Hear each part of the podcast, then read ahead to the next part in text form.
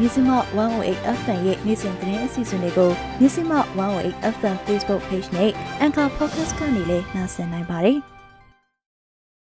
မင်္ဂလာပါရှင်မြန်မာနိုင်ငံသူနိုင်ငံသားများဘေးကင်းလုံခြုံကြပြီးစိတ်ချမ်းသာကိုယ်ကျန်းမာစွာဖြတ်သန်းနိုင်ကြပါစေလို့မြစီမရေဒီယိုအဖွဲ့သူအဖွဲ့သားများကဆုတောင်းမေတ္တာပို့လိုက်ရပါတယ်မြန်မာပြည်သူများနဲ့အတူရက်တည်နေမဲ့မြစီမရေဒီယိုပဲဖြစ်ပါတယ်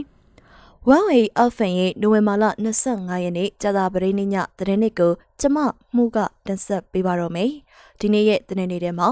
ဒီမော့ဆိုမြို့နယ်မှာ KNDF နဲ့စစ်ကောင်စီတပ်အကြားထိတွေ့တိုက်ပွဲဖြစ်ပြီးနှစ်ဖက်ကြဆုံမှုရှိဟုဆိုတဲ့သတင်း။မူဆယ်မြို့နယ်မက်ဟန်ရွာကန်တအုပ်ကိုစစ်ကောင်စီတပ်ကပစ်တက်တဲ့သတင်း။လှိုင်မြို့နယ်မှာအဲဇီယဝင်စစ်ရာအသက်မပြည့်သေးသူများအပါအဝင်လူ၁၁ဦးခန့်အဖမ်းခံရတဲ့တဲ့။ ဒဝဲဒေတာမှာလူသိများတဲ့လူငယ်ခေါင်းဆောင်အင်ကိုကျိတ်ပိတ်တဲ့တဲ့။လွိုင်ကောဂယုနာစေကံဖြစ်ရက်မြဝတီတဲ့မှာယွန်ပြီးဖမ်းဆီးခံရသူများပြန်လွတ်လာတဲ့တဲ့။လော်ပီတာမမြို့ကြီး၃မြို့ကိုတွဲတန်းထားတဲ့လျှက်စစ်တအားပေးတာဝါတိုင်းနှစ်ခုဖျက်ဆီးခံရတဲ့တဲ့။မန္တလေးမြို့ကမီးပွိုင်များရှိ CCTV တွေကိုထိန်းချုပ်ထားတဲ့ CCTV cable box ဘုံဖြစ်ဖောက်ခွဲခံရတဲ့တဲ့။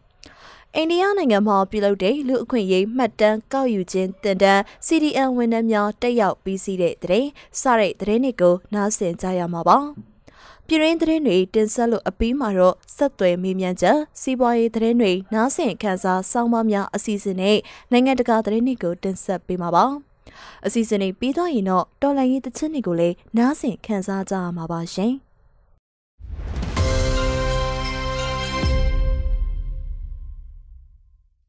ကရားပြည်နယ်ဒီမော့ဆိုမြို့နယ်စံပြ6မိုင်ကြီးရွာအုပ်စုဟိုဖိတ်ကြီးရွာအနီးမှာစစ်ကြောင်းထိုးလာတဲ့စစ်ကောင်စီတပ်ဖွဲ့ဝင်တွေနဲ့ KNI ဒေသကာကွယ်ရေးတပ်ဖွဲ့ KNDF တို့အကြားဒီကနေ့နိုဝင်ဘာလ25ရက်နေ့မနက်ပိုင်းကစတင်ပြီးတိုက်ပွဲဖြစ်ပွားခဲ့ရာနှစ်ဖက်ထိခိုက်ကြဆုံးမှုရှိနေကြောင်း KNDF ပြောခွင့်ရသူထံကနေသိရပါတယ်။ အင်အားတရာဝန်းကျင်ပါတဲ့စစ်ကောင်စီတပ်နဲ့ KNDF တပ်ဖွဲ့ဝင်တွေအကြောင်းဟိုဖိတ်ကျေးရွာအနီးမှာဒီကနေ့မနက်9နာရီကျော်လောက်ကနေ9နာရီကျော်အချိန်ထိနှစ်ဖက်ပစ်ခတ်မှုဖြစ်ပွားခဲ့ပြီးစစ်ကောင်စီဘက်ကလက်နက်ကြီးတွေနဲ့ပေါင်းပစ်ခတ်တိုက်ခိုက်ခဲ့တယ်လို့အဆိုပါ KNDF ပြောခွင့်ရသူကဆိုပါတယ်။စံပြ6မိုင်ဆိုတဲ့နားလေးမှာပဲအမြဲတမ်းတိုက်ပွဲခဏခဏဖြစ်တဲ့နေရာနားလေးမှာပေါ့စစ်ကြောင်းထိုးလာတဲ့စစ်ကောင်စီတပ်နဲ့ KNDF ရဲဘော်တွေနဲ့တွေ့တော့ပစ်ခတ်မှုဖြစ်တာကျွန်တော်တို့ဘက်ကတော့၄ယောက်ကြတယ်စစ်ကောင်စီဘက်ကတော့ကြာဆုံးထိခိုက်မှုတော့ကျွန်တော်တို့အခုထိမသိရသေးဘူးလို့ KNDF ပြောရေးဆိုခွင့်ရှိသူကပြောပါတယ်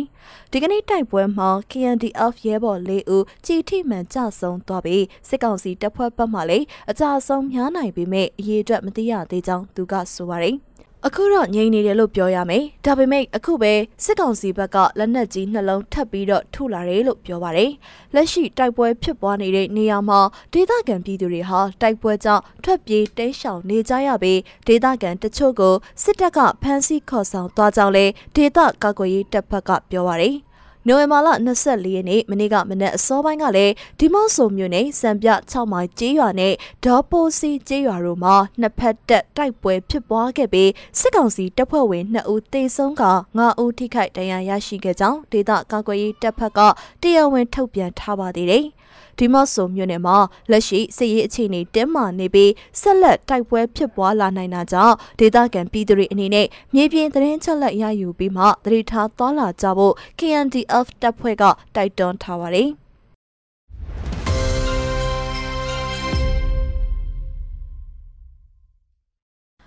ရှမ်းပြည်နယ်မြောက်ပိုင်းမူဆယ်မြို့နယ်မတ်ဟန်ရွာမှာစစ်ကောင်စီဘက်ကဒေသခံပြကြအဖွဲ့တပ်စခန်းကိုဝင်စီပြီးအနီးကတောင်ရစိုက်ပြိုနေတဲ့ရွာကန်တအုပ်ကိုပြစ်တက်ခဲ့ကြောင်းဒေသခံတွေကပြောပါတယ်။စစ်ကောင်စီတပ်ကနိုဝင်ဘာလ22ရက်နေ့မနက်9နာရီခွဲမှာမူဆယ် People Security and Defense Army PLSDA စခန်းကိုဝင်ရောက်စီးနင်းပြီးနှစ်ဖက်ပစ်ခတ်မှုဖြစ်ပွားခဲ့တာပါ။ ပြစ်ခတ်မှုတွေအပြီးစကန်နီရောက်ရှိနေတဲ့တောင်ရစိုက်ပြိုးဖို့လာတဲ့မဟန်ရွာကန်အသက်56နှစ်အရွယ်ဦးလျာဖာသိန်းကိုစစ်ကောင်စီကပြစ်တက်ခဲ့တာပါအသက်မခံရသေးချိန်မှာတော့အိမ်နဲ့အဆက်အသွယ်ရသေးတယ်။နိုင်ရွက်အကြမှာတော့အဆက်အသွယ်မရတော့ဘူး။နန်ယိုအောက်တနက်တန်ရဘေဘက်3ချက်ညဘက်မှာ3ချက်တွေ့တယ်သူကိုယ်လုံးမှာလည်းရိုက်ခံရတဲ့ညိုမဲတန်ရာတွေရှိတယ်လို့ဒေသခံတအူးကပြောပါတယ်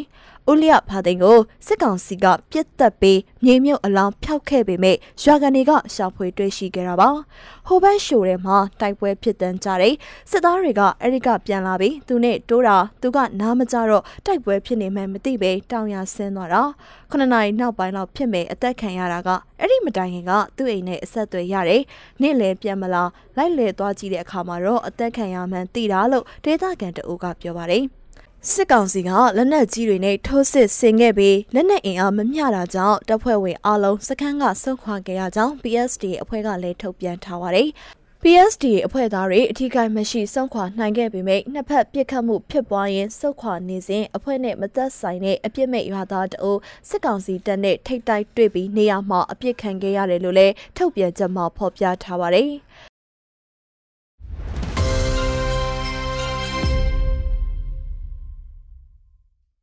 ရန်ကုန်တိုင်းလှိုင်မြို့နယ်တရက်ကွက်မှာနိုဝင်ဘာလ24ရက်နေ့မနေ့ကည7:00နာရီလောက်ကအဲစီယန်ဝင်စစ်ခဲ့ရမှာအသက်မပြည့်သေးတဲ့ကလေးတွေအပါအဝင်လူ12ဦးလောက်ဖမ်းခံခဲ့ရကြောင်းဒေသခံတွေထံကနေသိရပါတယ်။ ဖြစ်စဉ်ကညနေပိုင်းဘူတာယုံလမ်းမမှာဆန္ဒပြသွားတာညဘက်ကျတော့အဲ့ဒီလမ်းမကိုအဲစင်းလာစစ်တာပဲအဲစင်းမတိုင်လို့ဖမ်းသွားတဲ့လူတွေလို့ထင်တယ်စုစုပေါင်း17ယောက်ပါဘူတာယုံလမ်းမကိုဝင်ဆင်ရင်ကကြာငါအိုမတအိုအဖမ်းခံရတဲ့အောင်သက်စာလန်းကမိသားစုကိုဖမ်းတာကတော့လင်မယား2ယောက်နဲ့ကလေး3ယောက်ပါသွားတယ်ကလေးတွေက15နှစ်16နှစ်လေးတွေပဲရှိသေးတယ်လို့ဒေတာရင်းသတင်းတွေကိုဖော်ပြပေးနေတဲ့ High Information တာဝန်ရှိသူကမျက်စိမှကိုပြောပါတယ်။မနေ့ညနေကပြုလုပ်ခဲ့တဲ့ Line Defense Team အဖွဲ့ရဲ့ဆန္ဒပြတပိတ်အောင်မြင်စွာပြီးဆုံးခဲ့ပြီးတဲ့နောက်အဲ့ဒီနေရာအနီးတစ်ဝိုက်မှာစစ်ကောင်စီတပ်သားတွေနဲ့ရင်ထဲရဲတွေပူးပေါင်းပြီးတော့စစ်ဆေးတာတွေလုပ်ခဲ့တယ်လို့ခရီးသွားပြည်သူတွေစီကနေသိရပါတယ်။ရက်ွက်ထဲကိုအဲစင်းဝစ်စစ်တာကဟုတ်ပါတယ်ကျမအထင်ကတော့ညနေကကျမတို့ဘက်မှာဆန္ဒပြတပိတ်ထက်တာရှိလို့ဖြစ်ပါလိမ့်မယ်ပါရိတ်သူတွေဝင်ဆွဲတာပေါ့လေဒါပေမဲ့နီးမျိုးစုံနဲ့ရုံမာနေတာပါ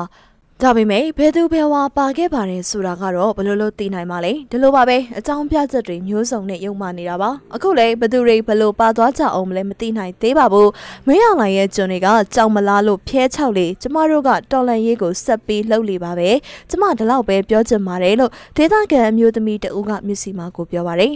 တဘကော့နှစ်စီရဲအကားကြီးတစ်စီးနဲ့စစ်ကောင်စီတပ်သားနဲ့ရဲစုစုပေါင်းအင်အား20လောက်ကအေစင်းလာရောက်စစ်ဆေးခဲ့တာဖြစ်တယ်လို့သိရပါတယ်။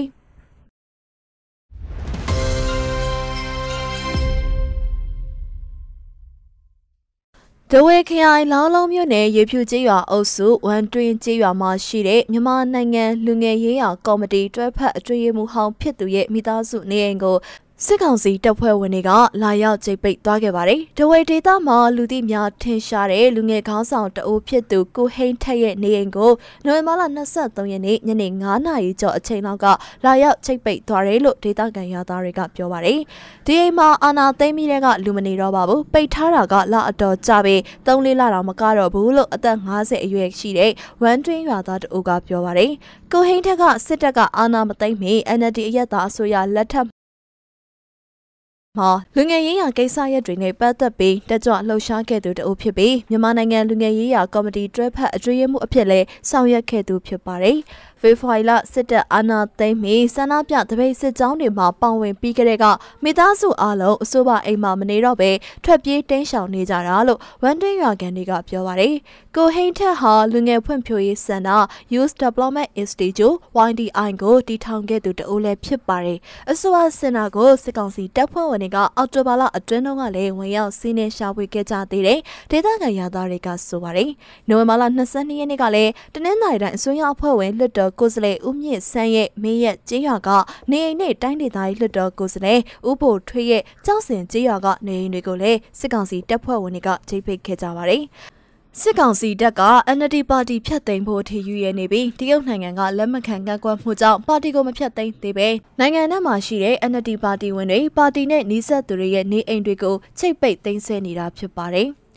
လွန်ကုန်မြို့ကီယုနာစေကန်ကိစ္စနဲ့ပတ်သက်ပြီးမြဝတီရုပ်တံကကြေညာချက်တွေဟာမှားယွင်းနေပြီးဖမ်းဆီးခံရသူတွေဟာနွေမာလ23ရက်နေ့ကပြန်လွတ်လာခဲ့ပြီးဖြစ်တယ်လို့လွန်ကုန်မြို့ကန်တွေကပြောပါတယ်။ကယားပြည်နယ်လွန်ကုန်မြို့နောင်ရရက်ကွက်ကခရစ်စတူဖရင်ဖျားเจ้าဝင်းကိုစစ်ကောင်စီတပ်ဖွဲ့တွေကနွေမာလ22ရက်နေ့ကဝင်ရောက်စီးနင်းပြီးဆီယာဝင်သူနာပြုတွေအပါအဝင်စေတနာဝန်ထမ်း18ဦးကိုဖမ်းဆီးသွားခဲ့တာပါ။အဲဒီဖြစ်ရဖြစ်ပြီးတဲ့နောက်မြဝတီရုပ်တံမှာကီယုနာစေကန်ဟာ တရားမဝင်စေကမ်းဖြစ်ပြီးအဆိုပါစေကမ်းမှာ CDM လောက်ထားတဲ့ကျမရေးဝန်ထမ်းတွေရှိနေကြောင်းပုံမှန်905ကကြီးနဲ့တရားစွဲခံထားရသူတွေပါဝင်တယ်လို့ထုတ်ပြန်ကြေညာခဲ့ပါတယ်။အဲဒီဆွဆွဲချက်တွေကမဟုတ်မှန်ကြောင်းစေကမ်းဟာ1998ခုနှစ်ကလေးကဖွင့်ခွင့်လိုင်စင်ရရှိထားတဲ့စေကမ်းဖြစ်ပြီးကျမရေးစောင့်ရှောက်မှုအားနည်းခဲ့တဲ့ပြည်내အတွင်းကပြည်သူတွေရဲ့အားကိုးရာစေကမ်းဖြစ်တယ်လို့စေကမ်းနဲ့နှီးဆက်သူတွေနဲ့ဒေသခံတွေကပြောပါတယ်။သူတို့ကတရားမဝင်စေကူတယ်လို့တော့ဆွဆွဲတာပေါ့နော်စစ်ကောင်စီဘက်ကဆွဆွဲတာဒါပေမဲ့အဲ့ဒီစေကန်းကလိုင်စင်ရှိပါတယ်1998ခရဲကလိုင်စင်ရထားတဲ့စေကန်းမှာအဲ့ဒီကလေးကစဖွင့်ထားတာအခုဆိုရင်တော့23နှစ်ရှိပါပြီလူမျိုးမရွေးဘာသာမရွေးစေကုသပေးလျက်ရှိပါတယ်ပြန်ဖွင့်နိုင်ဖို့အတွက်ကတော့ကျွန်တော်တို့အစွမ်းကုန်စူးစမ်းမှာပေါ့လေအဓိကကတော့လူလူအတွက်ပါပဲအများကောင်းကျိုးအတွက်ပဲပြန်ဖွင့်နိုင်ဖို့တော့လုံမှာပေါ့လို့စေကန်းနဲ့နီးစပ်သူတအုပ်ကပြောပါတယ်ဖန်စီခံရသူတွေပြန်လွတ်ရေးအတွက်ចောင်းထိုင်ဖုံတော်ကြီးဒီလာရှင်တချို့နဲ့ပြည်내အတွင်းကတိုင်းရင်းသားလက်နက်ကိုင်အဖွဲ့အစည်းတချို့ကစစ်ကောင်စီတာဝန်ရှိသူတွေနဲ့တွားရောက်ဆွေးနွေးခဲ့ရတယ်လို့ပြောပါတယ်။အဲဒီနောက်နိုဝင်ဘာလ23ရက်နေ့မှာဖမ်းဆီးထားသူတွေကိုပြန်လွှတ်ပေးခဲ့တာပဲဖြစ်ပါတယ်။စေကန်းနဲ့နှီးဆက်သူတအုပ်ကတော့မနေ့ကသူတို့အားလုံး18ယောက်စလုံးလွတ်လာပါတယ်။ကောင်းကောင်းမွန်မွန်ပြန်ရောက်တယ်အကုန်လုံးပြန်လွတ်ပါတယ်။6နာရီကျော်ကျော်လောက်ကောင်းကောင်းမွန်မွန်ပြန်ရောက်တယ်မနေ့ကပဲပြန်လာတယ်။သူတို့စိတ်ဖိစီးမှုတွေကတအားများတယ်လေနော်။စိုးရင်မှုလေးတွေတောကတွေအဲ့လိုမျိုးတွေတအားများနေတဲ့အခါကျတော့နောက်ပြီးတော့မှမြဝတီသတင်းကလည်းကြားရတော့ပို့ပြီးတော့စိုးရိမ်တာပေါ့နော်မြဝတီသတင်းဌာနကဆွဆွဲထားတယ်လို့တော့ပုံမှန်905ကကြီးနဲ့ဆွဲထားတဲ့ဟာတယောက်မှမပါပါဘူးလို့ဆိုပါတယ်စစ်ကောင်စီကဝင်ရောက်စီးနှင်းဖမ်းဆီးမှုတွေပြုလုပ်ပြီးတဲ့နောက်စေကန်းကိုလည်းပိတ်ထားရတယ်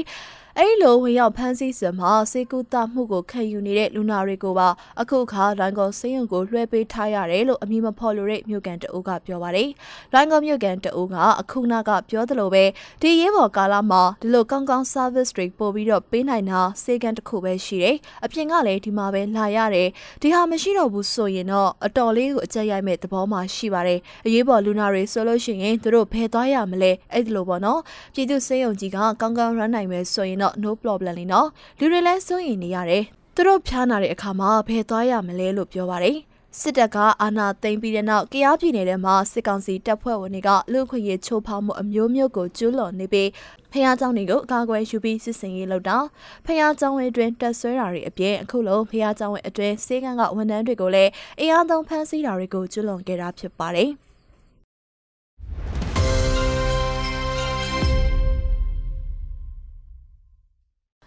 ကယားပြည်နယ်လော်ဘီတာအမှတ်1လျှက်စစ်ဓာတ်အားပေးစက်ရုံကနေနေပြည်တော်ရန်ကုန်နဲ့မန္တလေးမြို့တွေကိုဓာတ်အားပေးပို့နေတဲ့လျှက်စစ်ဓာတ်အားပေးတာဝါရိုင်းနှစ်ခုကိုနိုဝင်ဘာလ24ရက်နေ့ည10:00နာရီကျော်ဝန်းကျင်မှာပဲမိုင်းခွဲဖြက်စီခံလိုက်ရကြောင်းဒေသခံတွေထံကနေသိရပါတယ်။မနေ့ကည10:00နာရီကျော်ဝန်းကျင်လောက်မှာထင်တဲ့နိုင်အတိအကျကတော့မပြောတတ်ဘူးမိုင်းခွဲခံရတဲ့နဲ့တူတဲ့အတန်ကအကျဲကြီးပဲနှစ်ချက်ကြားရတဲ့အပြင်တော့ထွက်မကြည့်ရဘူး။ဒီမနေ့ရောက်မှထကြည့်တော့ တာဝရိုင်းနှစ်ခုလဲသွားတာတွေ့လိုက်တယ်။ဘယ်အဖွဲ့ကလာခွဲသွားလဲတော့ကျွန်တော်တို့မသိဘူးဆိုပြီးဒေတာကန်တူကပြောပါတယ်။အဲ့ဒီတာဝရိုင်းနှစ်ခုဟာလွိုင်ကော်မြို့နယ်နိုကိုအုပ်စုစော့ခီဒေါ်နဲ့ဒေါ်လက်ရှိကြေးရွာကြားတွေကတာဝရိုင်းတွေဖြစ်တယ်လို့သိရပါတယ်။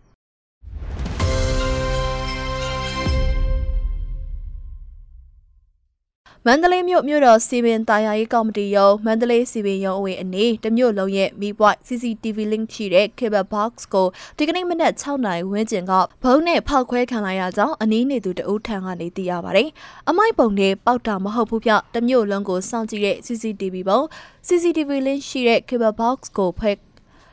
CCTV လင်းရှိတဲ့ cable box ကိုဖုံးခွဲသွားတာပါအခြားထိခိုက်တော့မရှိဘူးမနက်အစောပိုင်းဆိုတော့လူအသွားလာမရှိဘူးလေလို့မန္တလေးစီပင်ရုံးဝင်အနီးမှာနေတဲ့သူတဦးကပြောပါရယ်မန္တလေးစီပင်ရုံးဝင်အနီး28လမ်းနဲ့82လမ်းတောက်မှာဖြစ်ပေါ်ခဲ့တဲ့အဲ့ဒီပောက်ကွဲမှုမှာအမိုက်ပုံပောက်ကွဲမှုဖြစ်ခဲ့တာလို့ကနအူသတင်းတွေထွက်ပေါ်လာခဲ့ကြောင်းဒေသခံတွေကဆိုပါရယ်တမျိုးလုံးကမီးပွိုက်တွေမှာတက်ထားတဲ့ CCTV တွေကိုစီပင်ရုံးထဲကနေထိန်းချုပ်ထားတာလေအဲ့ဒီဘုံကိုဘုံနဲ့ခွဲသွားတာပါပါလို့မန္တလေးစီမင်းနဲ့နှီးဆက်သူတဦးကပြောပါတယ်။ဖောက်ခွဲမှုနဲ့ပတ်သက်ပြီးတော့ဘယ်အဖွဲ့ကလုပ်တယ်ဆိုတာကိုတော့မသိရသေးပါဘူး။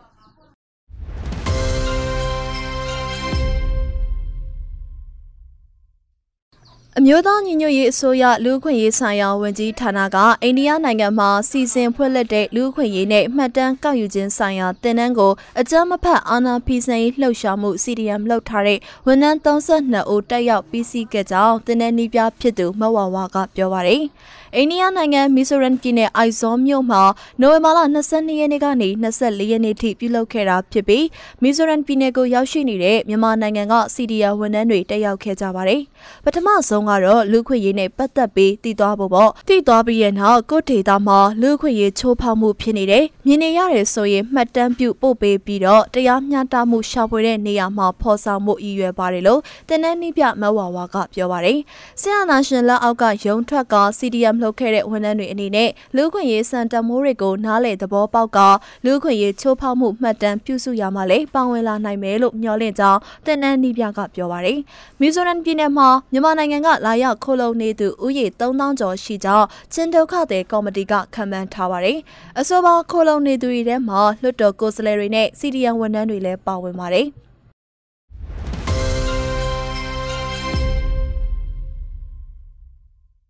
Ghost Army အဖွဲ့ရဲ့ခေါင်းဆောင်ဟောင်းတအုပ်ဖြစ်တဲ့လူသာထူးဟာဗမာတိုင်းများလွတ်မြောက်ရေးတပ်မတော် APIA နဲ့လမ်းခွဲလိုက်ပြီလို့မြစည်းမနဲ့တည်တဲ့အင်တာဗျူးမှာပြောကြားလိုက်ပါတယ်။ အာနာသိန်းစစ်အုပ်စုစန့်ကျင်အတွက်လူသာထူးနဲ့စစ်ဦးစီးချုပ်ကိုအောင်ကျော်ကျော် APIA တို့အော်တိုဘာလလယ်ကပူးပေါင်းခဲ့ကြတာဖြစ်ပြီးအခုတော့တက်ခန်းရက်သွားခဲ့တာပါ။1990ခုနှစ်နှောင်းပိုင်းကကရင်ပြည်နယ်အတွင်းပျောက်ကြားတိုက်ခိုက်ရာမှာထင်ရှားခဲ့တဲ့အင်အား200လောက်ရှိတဲ့ God Army ကိုအဲ့ဒီချိန်ကအသက်10နှစ်ဝန်းကျင်အရွယ်ဂျော်နီထူနဲ့လူသားတူအမွာညီကိုနှစ်ယောက်ကဦးဆောင်ခဲ့တာပါ စစ်ရွေးဆောင်ရွက်မှုတွေမှာစွမ်းအားမြင့်ចောင်းသားစစ်တီတော်များ VPSW နဲ့ပူးပေါင်းပြီးထိုင်းနိုင်ငံမှာရှိတဲ့မြန်မာတန်ယုံကိုဝင်ရောက်စီးနင်းမှု Rashbury စေယုံကိုစီးနင်းမှုတို့ပါဝင်ခဲ့ကနောက်ပိုင်းထိုင်းစစ်တပ်ထံလက်နက်ချပြီးလူသားတူဟာလည်းစီရီနိုင်ငံမှာတွားရောက်နေထိုင်ခဲ့ပါတယ်။လူသားတူအနေနဲ့ ABIA အဖွဲ့နဲ့ဘာကြောင့်လမ်းခွဲခဲ့တာလဲ။ဘာတွေဆက်လုပ်မလဲဆိုတာကိုမြစီမကဆက်သွယ်မေးမြန်းထားပါတယ်။နားဆင်ပါရှင်။ ကိုလူသားထိုးနဲ့ဒီကိုအောင်ကျော်တို့ရဲ့ဒီပတ်သက်မှုရဲ့နောက်ဆုံးအခြေအနေအောင်ဘယ်လိုမျိုးရှိလဲအခုကဘယ်လိုအခြေအနေရှိနေလဲဗျဒီကဖမ်းနေတယ်။ဒါမှမဟုတ်ဘူးလေ။အဝတ်တက်ကြတယ်မနေဘူး။အခုကကိုအောင်ကျော်နဲ့ဆရာဒီသာထူးတို့နဲ့ဘာမှဘာအလုံးမှပတ်သက်မှုမရှိတော့ဘူးစကန်းနေပြီးတော့ဟိုဟာခွဲထွက်လာပြီပေါ့ခွဲထွက်လာတော့ဒီကျေလာပိုင်းနဲ့ရပဲအခုဆိုရင်နှစ်ပတ်နီးပါးလောက်ရှိပြီ ပေါ့ကိုအောင်ကျော်ရှိရနဲ့ထွက်လာတာပေါ့ဘုရားဝဲမှန်မှန်တယ်။အဝတ်ကမဒါနေတော့ပြတက်ခွင့်ကော်မတီပဲ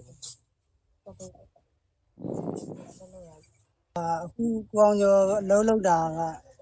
ဆရာနဲ့တိုင်မင်တာလည်းမရှိဘူးပေါ့ဗျာထူးထူးထူးထူးပြောပြလည်းမရှိဘူးဆိုတော့နားမလဲဘူးပေါ့ဒီဘာလုံးနေမှန်းလဲဆရာတော်လိုင်းလောက်ချင်လို့လာဆိုမှဟိုရောက်တော့ဘာတစ်ခုမှမလုပ်ရပဲနဲ့ဒီတိုင်းပဲစကန်နဲ့ထိုင်နေရတဲ့ပုံစံတော့အဆင်မပြေဘူးရဲ့ အဲဒါကြောင့်သဘောတိုင်းမတူတော့ပြန်ပြီးခွဲထွက်လာတယ်လို့ပြောပါပြီးတော့ဒီကိုအောင်ကျော်နဲ့ရောဟိုဘယ်လိုမျိုးတွေဆက်သွယ်ပြီးခဲ့တာလဲဟိုပြီးတော့ဘာတွေလုပ်ဖို့ပြောဆိုခဲ့တာတွေရှိလဲဗျ။အဝဲနေရလဲအဝဲဖီလန်နေအဝဲစစ်ကောနေဟိုဟာဖင်လန်ကဟိုဟာကျွန်တော်ဗမာနိုင်ငံရေးစိတ်ဝင်စားတဲ့နိုင်ငံသားတယောက်ကဆက်ဂျားနဲ့ဆက်သွယ်ပေးတာကိုအောင်ကျော်ရှိကိုသွားပါဆိုတော့ဟိုဟာဆရာလူသားသူကကိုအောင်ကျော်နဲ့အစောပိုင်းကဆက်သွယ်ထားတာလည်းမရှိဘူးတီကျွမ်းတာလည်းမရှိဘူးပေါ့။ ရဲရဲရတဲ့ရဲနေဒီတော့ရဲရကကဲဒီဘကဘောကိုရတဲ့မှုတက်ခွေရောနော်။ဒါမေလည်းရကတတချာဘယ်ရောပါနော်။ရဟဲနေရတဲ့မှုလည်းလည်းကင်မရာလည်းဒီဘကဘောရောနော်။ဘယ်ရောမှုကြီးကလေးတို့ကိုမကြီးတဲ့ဖက်ရှာပါနော်။နေနေနေဝရပဲ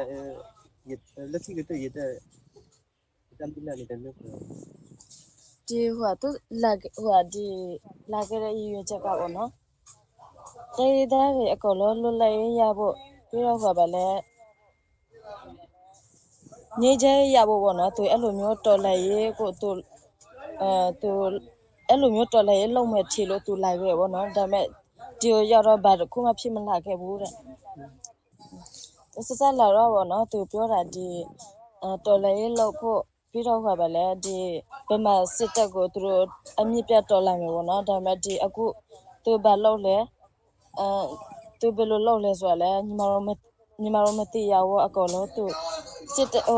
ဘာဒါမှမဟုတ်လဲဟိုသူတို့စစ်တပ်နဲ့ပဲပြန်ပြီးတော့ပူပေါင်းလာလိုက်အဲ့လိုမျိုးပေါ့နော်တတရားတော့ရှိရပေါ့သူကသူနဲ့ဒါပူပေါင်းတော့သူလုံနေတဲ့အရာတွေကညီမတို့ဘာတစ်ခုမှမသိရဘူးတက်တက်ပြီးပြီလည်းမရှိဘူးဆိုတော့လေ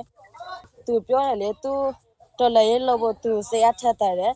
သူသူပြောတဲ့စကားကလည်းဟိုပါလေအကုန်လုံးတတိရောက်ရှိတယ်ဆိုတော့ပိုကောင်းတော့ဗောနော်ဒါပေမဲ့သူနောက်ဆုံးတော့ဟိုဘာမှဖြစ်မလာခဲ့ဘူးလေဟိုခွဲထွက်လာခဲ့တဲ့အချိန်မှာရောသူ့ဘက်ကဘာတွေပြောဆိုတာတွေရှိလဲအဲသူကပြီးတော့အဲစကန်မှာပဲကြံခဲ့ရတာလားဘယ်လိုအခြေအနေနောက်ဆုံးရှိခဲ့လဲဗျဒီဟိုထွက်လာတော့တော့သူနဲ့တော့မပြောမပြောဖြစ်ဘူးဗောနော်ဘာဖြစ်လဲဆိုတော့ဟိုသူဘာဘာဘာလုပ်နေလဲညီမတို့လည်းမသိရဘူးလေ ဒါပေမဲ့ညီမတို့လည်းတချို့ကိစ္စတွေတော့သိထားရပါတော့ဘယ်သူဘယ်လိုပြောထားခဲ့လဲသူ့လို့ရထီရောက်လာဆိုညီမတို့လည်းအဲ့ဒါတွေသိခဲ့ရပါတော့ဒါပေမဲ့သူ့ကိုလည်းအဲ့လိုမျိုးမပြောချင်ပါဘူးဘာဖြစ်လဲဆိုတော့ပြောလိုက်သူများရဲ့ထင်မှာပဲလေဒီတော်လေးလုံးနေတဲ့အချစ်ချင်းအဲ့လိုမျိုးဟိုပါလဲတော်လည်းမလုပ်ရဘဲနဲ့ပေါ့အချစ်ချင်းအဲ့လိုမျိုးပြဲပြီးတော့ပြဿနာပဲဖြေရှင်းနေရတယ်ဆိုတော့လေအဲ့ဆိုတော့သူ့ကိုလည်းဘာမှတော့မပြောချင်ဘူးအတိကတော့ဒီ ညီမတို့ထွက်လာလဲကိုယ့်အကိုအေးစစ်စစ်ပဲထွက်လာတယ်လူကြီးတွေပြောပြီးတော့ဗောနော်ဒါပေမဲ့သူသူ့တော့အတိမပေးဘူးပဲလဲဆိုတော့သူကပေးလို့ပေးလို့လားပေးမလို့လားမသိဘူးလေဟိုပြီးတော့အဲ့ဟိုကတော့သူတို့ဟိုဒီ ABI ပေါ့နော်ကွန်ကျော်တို့နဲ့ဒီစကန်မှာအတူရှိခဲ့တဲ့အချိန်တုန်းကရောဟိုအဲ့သူတို့ရဲ့အခြေအနေကဘယ်လိုမျိုးရှိလဲဟိုပြီးတော့ဒီသူတို့စီမှာတက်သားရဲ့တက်သားတွေရောဟိုအများပြောသလိုပေါ့နော်ဟို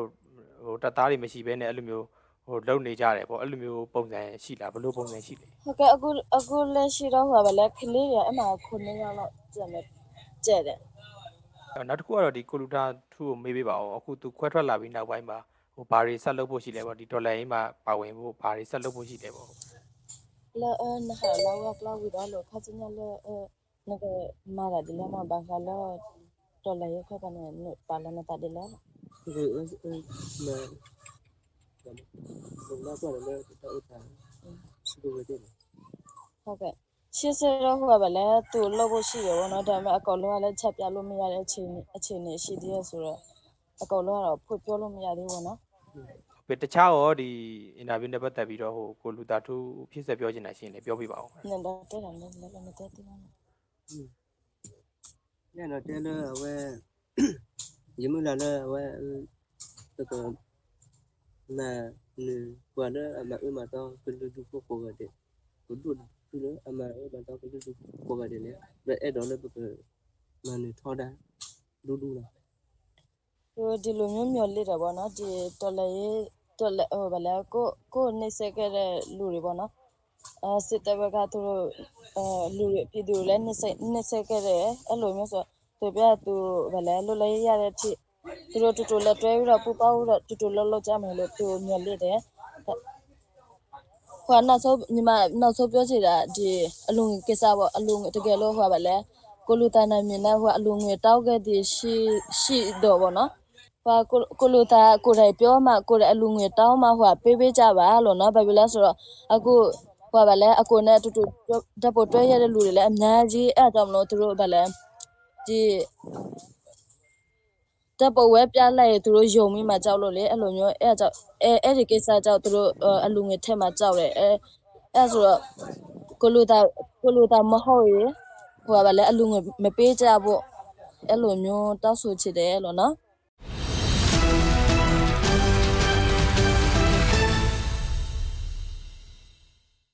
ပြည်ရင်းသတင်းတွေတင်ဆက်လုပ်ပေးပါပြီ။ဆက်လက်ပြီးတော့စီးပွားရေးသတင်းတွေကိုမတ်မေယူကတင်ဆက်ပေးသွားမှာပါ။ဆက်လက်နားဆင်ခံစားပါရှင်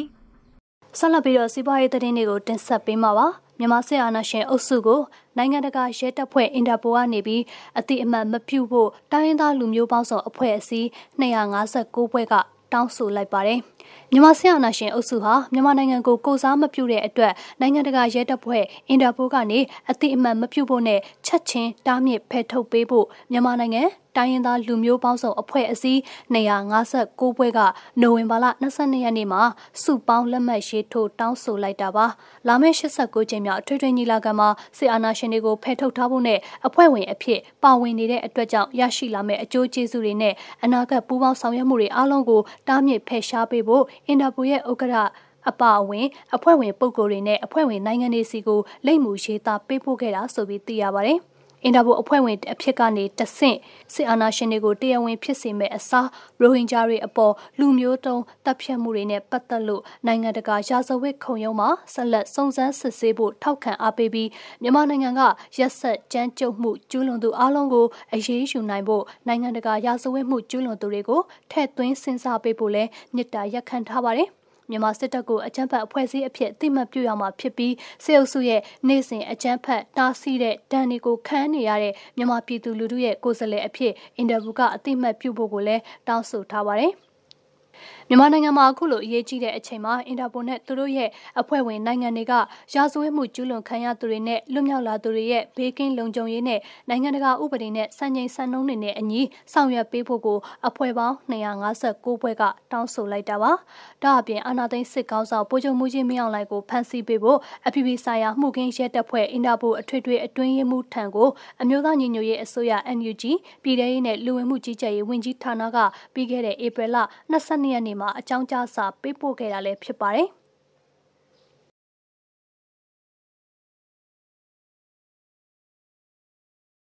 ဆက်လက်ပြီးနားဆင်ရမှာကတော့မြန်မာဘရူဝါရီကုမ္ပဏီကိုဖျက်သိမ်းရန်တရားရုံးကိုဥတိုက်လျှောက်ထားခဲ့တဲ့တဲ့တင်ကိုတင်ဆက်ပေးမှာပါ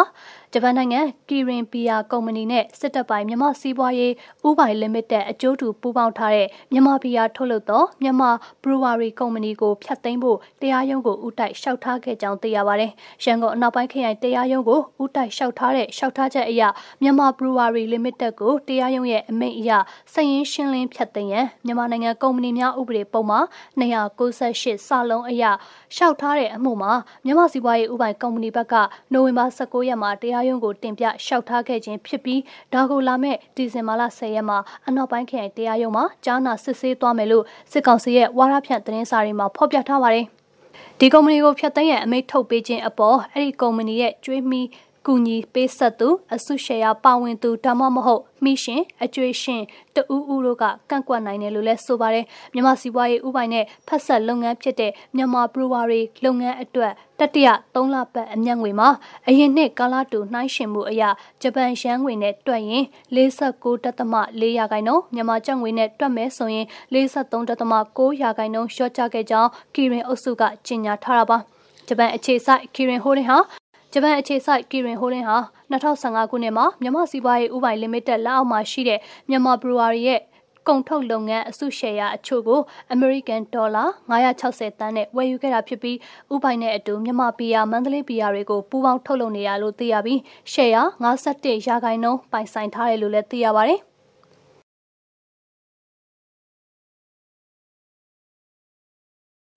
ဆက်လက်ပြီးရန်ကုန်ကားဝယ်ရောင်းဈေးကွက်မှာအယောင်းဝယ်တွေအေးနေတဲ့တဲ့တင်ကိုနားဆင်ရမှာဖြစ်ပါတယ်။ရန်ကုန်ကားဝယ်ရောင်းဈေးကွက်မှာအယောင်းဝယ်တွေအေးနေပြီးအမြင့်ဈေးနဲ့မိထားတဲ့သူတွေအနေနဲ့ဈေးချရောင်းနိုင်မှာပဲအယောင်းဝယ်ဖြစ်မှာဆိုပြီးကားဝယ်ရောင်းလောက်ကင်သူတွေရဲ့ပြောပြချက်အရသိရပါတယ်။စစ်ကောင်စီကပြည်တွင်းမှာ American Dollar လိုအပ်ချက်ရှိနေလို့ကားပါမယ်ပြည်ပမှာကားအသစ် တင်သွင်းခွင့်တွေကိုပြီးခဲ့တဲ့စက်တင်ဘာလမှာရပ်ဆိုင်းလိုက်ရတဲ့အတွက်ရန်ကုန်ကားဝယ်အောင်ဈေးကွက်မှာကားဈေးတက်သွားခဲ့ပြီးအယောင်းဝယ်လိုက်ခဲ့တာတွေ့ရတယ်လို့လည်းသိရပါတယ်။ပြည်တွင်းမှာ SKD စနစ်နဲ့ထုတ်လုပ်ပြီးရောင်းချနေတဲ့ Suzuki ကားကုမ္ပဏီနဲ့ Hyundai ကားကုမ္ပဏီတို့ရှိရမှာအဲ့ဒီကုမ္ပဏီတွေကထုတ်တဲ့ကားသစ်တွေကိုလူကြိုက်များပြီးလက်ခံလာတဲ့အတွက်ရန်ကုန်ကားဝယ်ရောင်းဈေးကွက်မှာဂျပန်တပတ်ရဲ့အဟောင်းကားနဲ့ပြည်တွင်းမှာ SKD စနစ်နဲ့ထုတ်လုပ်တက်ဆင်တဲ့ကားသစ်ဆိုပြီးဈေးကွက်နှမျိုးနဲ့အယောင်းဝယ်ရှိတာပါ။ အသစ်ကားဈေးကွက်မှာတော့ SKD တွေက80ရာခိုင်နှုန်းထိရှိနေတာဖြစ်ပြီး SKD ထုတ်ကားတွေပြန်ထွက်လာပါကကားအသစ်ဈေးကွက်ကတော့ပုံမှန်ပြန်ဖြစ်သွားမယ်ဆိုပြီးလည်းသုံးသပ်ပါတယ်။စစ်ကောင်စီခန့်ရင်းနှီးမြှုပ်နှံမှုနဲ့နိုင်ငံခြားစီးပွားဆက်သွယ်ရေးဝန်ကြီးဦးအောင်နိုင်ဦးကတော့နိုဝင်ဘာ23ရက်မင်္ဂလာတုံမြို့နယ်မှာရှိတဲ့ခရီးသည်တင်ရှင်တွေတက်ဆင်ထုတ်လုပ်ရောင်းချတဲ့ SC Auto မြန်မာစီကိုတွားရောက်ပြီးလျှက်စစ်ခရီးသည်တင်ရှင် e-bus တွေကိုပြည်တွင်းဈေးကွက်မှာထုတ်လုပ်ဖို့ကိစ္စဆွေးနွေးခဲ့တယ်ဆိုပြီးတော့လည်းထုတ်ပြန်ထားတာကိုတွေ့ရပါတယ်။အခုနောက်ဆုံးစီးပွားရေးသတင်းအနေနဲ့ကတော့ကြက်သွန်ဈေးကွက်အတွင်းနိုဝင်ဘာလနောက်ဆုံးပတ်မှာ ဝယ်လက်နေပါသွားတဲ့အတွက်ဈေးနှုန်းပြန်လည်ကျဆင်းနေတဲ့သတင်းကိုတင်ဆက်ပေးမှာပါ။ပခုတ်ကူကြက်သွန်ဈေးကွက်အတွင်းနိုဝင်ဘာလနောက်ဆုံးပတ်မှာဝယ်လက်နှဲသွားတဲ့အတွက်ဈေးနှုန်းပြန်လည်ကျဆင်းနေတယ်လို့သိရပြီးအမြင့်ဆုံးတပိတ်တာကိုကျပ်400အောက်သာပေါက်ဈေးရှိနေကြောင်းသိရပါတယ်။နိုဝင်ဘာလဒုတိယပတ်ကစတင်လို့ဘင်္ဂလားဒေ့ရှ်ဝယ်လက်များဝယ်ယူတဲ့အတွက်တပိတ်တာကိုအမြင့်ဆုံးကျပ်900ဝန်းကျင်နဲ့ရောင်းချခဲ့ရပေမဲ့နိုဝင်ဘာလ22ရက်ကစတင်လို့ဈေးနှုန်းပြန်ကျလာတဲ့အတွက်ကျပ်400အောက်ထိရောက်ရှိခဲ့တာဆိုပြီးသိရပါတယ်။ ပခုတ်ကူကြက်သွန်ဈေးကွက်အတွင်းလက်ရှိမှာနေ့စဉ်ပိတ်သားချိန်2သိန်းခန့်ဝင်ရောက်နေပြီးဝယ်လက်နေဖခြင်းနဲ့ကုန်ဝင်ရောက်တာတွေများပြားတဲ့အတွက်ကြောင့်ဒီလိုဈေးနှုန်းပြန်လည်ကျဆင်းလာတာဆိုပြီးလည်းသိရပါတယ်။ပခောက်ကူကျက်သွန်ဈေးကွက်တဲကိုပိတ်တာချင်း2သိန်း1000နဲ့ဝင်ရောက်ခဲ့တဲ့နိုဝင်ဘာလ23ရက်ဈေးကွက်မှာတပိတ်သားကိုအမြင့်ဆုံးကျပ်350မှအနိမ့်ဆုံးကျပ်180အထိပေါက်ဈေးရှိပြီးအရေးသွေးလိုအပ်ချက်များတဲ့ကျက်သွန်များမှာတပိတ်သားကိုကျပ်100ခန့်ထိရှိရဲဆိုပြီးလည်းသိရပါတယ်။ ပခုတ်ကူကျက်သွန်ဈေးကွက်ကိုမုံရွာပလဲပေါက်မြို့နယ်နဲ့မြစ်ရည်ဝင်ဒေသမှထွက်ရှိတဲ့ကျက်သွန်များလာရောက်ရောင်းချလေးရှိပြီးမြန်မာနိုင်ငံအနှံ့မြို့များနယ်စပ်ဒေသများကနေတဆင့်အခြားနိုင်ငံတွေကိုတင်ပို့ရောင်းချတာဆိုပြီးလည်းသိရပါတယ်ဒီကနေ့အတွက်စီးပွားရေးသတင်းတွေကတော့ဒီလောက်ပါပဲရှင်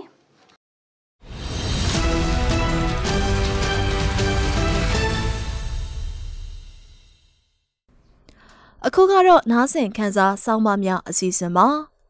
လူဒုတော်လန်ရေးမြစည်းမပဏိပဒါဆိုတဲ့ဆောင်းပါးကိုမတ်မေယူကဆက်လက်တင်ဆက်ထားပါတယ်ရှင်။နားဆင်ပါ။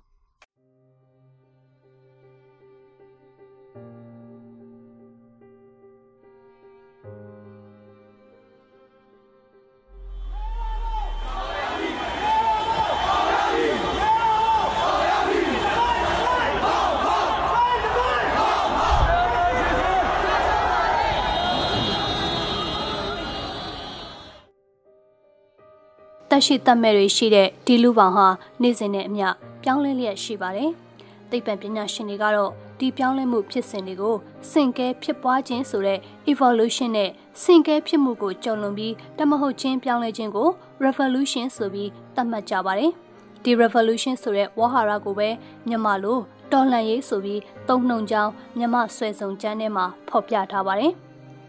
တော်လိုင်းဆိုတဲ့နေရာမှာလူမှုရေးနဲ့ဆက်ဆက်တာတွေရှိနိုင်တယ်လို့စီးပွားရေးနဲ့ဆက်ဆက်တာတွေလည်းရှိနိုင်ပါတယ်။နောက်ပြီးနိုင်ငံရေးသဘောနဲ့ဆက်ဆက်တဲ့အကြောင်းအရာတွေလည်းရှိပါတယ်။ဒီကနေ့စစ်အာဏာသိမ်းပြီးတဲ့နောက်ဖြစ်လာတဲ့ຫນွေဦးတော်လှန်ရေးကတော့နိုင်ငံရေးစီးပွားရေးလူမှုရေးစတာတွေအားလုံးနဲ့ဆက်ဆက်နေပါတယ်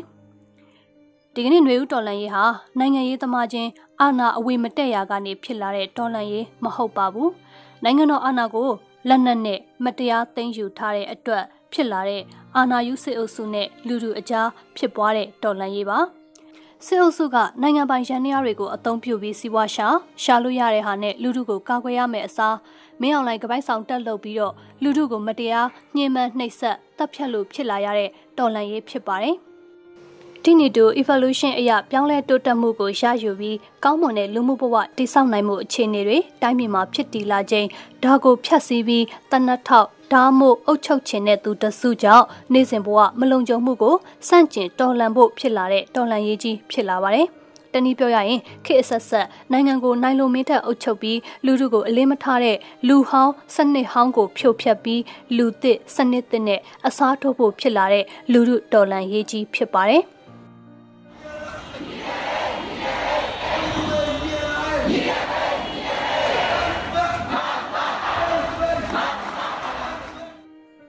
နိုင်ငံတစ်ခုမှာတော်လန်ရေးတရက်ဖြစ်လာပြီးဆိုရင်အဓိကကျတဲ့ရှင်းမြစ်ဟာပြည်သူလူထုပါ။ဘာကြောင့်လဲဆိုရင်လူထုကလက်မခံတော့တဲ့အခြေအနေတစ်ခုကိုရောက်တော့မှပဲတော်လန်ရေးဆိုတာကစတင်လာတတ်တဲ့အတွက်ပါ။ဒီအဖိနှိတ်ခံအငင်းပန်းခံလူထုကြီးကသူတို့ရဲ့မကျေနပ်ချက်ခံစားချက်တွေကိုမဖောက်ထုတ်သွေးဘယ်နိုင်ငံရေးအင်အားစုကမှတော်လန်ရေးကြီးဖြစ်လာအောင်မစီယုံမလုံဆော်နိုင်ပါဘူး။ဒါကြောင့်တော်လန်ရေးမှာလူထုဘလောက်အထိပါဝင်လဲဆိုတာဟာတော်လန်ရေးအောင်မြင်ဖို့နဲ့ဓာတ်ရိုက်အချိုးကျပါတယ်။ ဒီနေရာမှာပြည်သူလူထုတရက်လုံးဟာတော်လန်ရေးကြီးကိုတပ်ဝင်ရှုံချနေလိမ့်မယ်လို့တထစ်ချယူဆထားလို့မရဘူးဆိုတဲ့အချက်ကိုတော့မေ့ထားလို့မရပါဘူးဒီနေ့တူတော်လန်ရေးကိုခေါင်းဆောင်နေတဲ့သူတွေရဲ့စွမ်းဆောင်ရည်ကလည်းဒီနေရာမှာအခါရကြပါတယ်။တော်လန်ရေးခေါင်းဆောင်တွေဟာလူထုနဲ့တသားတည်းဖြစ်ရလားလူထုရဲ့လူလားချက်ကိုလမ်းမှန်ကမ်းမှန်ဖြစ်အောင်ပို့ဆောင်ပေးနိုင်ရလားဆိုတာတွေဟာတိတ်ကိုအရေးပါပါတယ်။ တော်လှန်ရေးမှာလူထုပါဝင်မှုဟာစင်စမ်းမပြတ်ဖြစ်နေဖို့နဲ့ဒီတော်လှန်ရေးဟာလူထုတော်လှန်ရေးကြီးဖြစ်တယ်ဆိုတာကိုတော်လှန်နေတဲ့အင်အားစုတွေကြားတဲ့စိတ်ဝင်နေအောင်လှုပ်ဆောင်ပေးကြဖို့လိုပါတယ်ဒီလိုလုပ်တဲ့နေရာမှာတော်လှန်ရေးကိုမျက်စိမှာပြိပရာလမ်းစဉ်နဲ့လူထုပါလာအောင်လှုပ်ဆောင်ဖို့လိုအပ်ပါတယ်ဘယ်တော့ချက်ပြညာဒီလူတွေကိုတာဖို့မဟုတ်ကျဲတော့ပေါ့အောင်ရပြီကျဲတော့ပေါ့အောင်ရပြီကျဲတော့ပေါ့အောင်ရပြီ လူထုတော်လှန်ရေးမျက်စိမှာပြိပဒါလမ်းစင်းဆိုတာတော်လှန်ရေးကိုဥဆောင်နေတဲ့သူတွေဥဆောင်မှုအခမ်းကဏ္ဍကတာဝန်ရှိသူတွေလိုက်နာကျင့်သုံးရမယ့်လမ်းစင်ပါဒီပြိပဒါလမ်းစင်မှာအစွန်းတရားနှစ်ဖက်ရှိပါတယ်ဒါကတော့လူထုနောက်လိုက်ခြင်းသို့မဟုတ်လူထုနောက်မီးဆွဲလောက်တာနဲ့လူထုကိုစန့်ကျင်ခြင်းတို့ပဲဖြစ်ပါတယ်။ ဘာကြောင့်လဲဆိုတော့တော်လှန်ရေးတဲ့လူထုပါဝင်လာခြင်းဟာအထွေထွေမကျေနပ်မှုစိတ်ခံစားမှုတွေကိုအရှင်းခံပါတယ်။ဒီအတွက်စိတ်သက်တက်ကြွစရာရှိရင်အဆုံးစွန်ထိတက်ကြွပြီးစိတ်သက်ကြပြီးဆိုရင်တော့တားမရစီးမရဖြစ်တတ်တာကြောင့်ပါ။ထန်တလန်းမြို့ကြီးမိရှို့ခံရတော့လူထုကဒေါသထွက်ကြသလိုဘာကြရကြောင့်ဝင်ပစ်ပြတော့လဲ